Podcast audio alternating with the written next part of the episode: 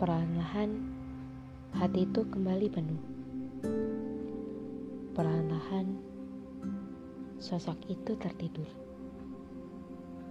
Perlahan-lahan mimpi itu selesai ditenun. Perlahan-lahan sosok itu mengeluarkan hati yang tersemat rapi di balik jubahnya. Perlahan-lahan pula hati itu akan hancur dan jatuh.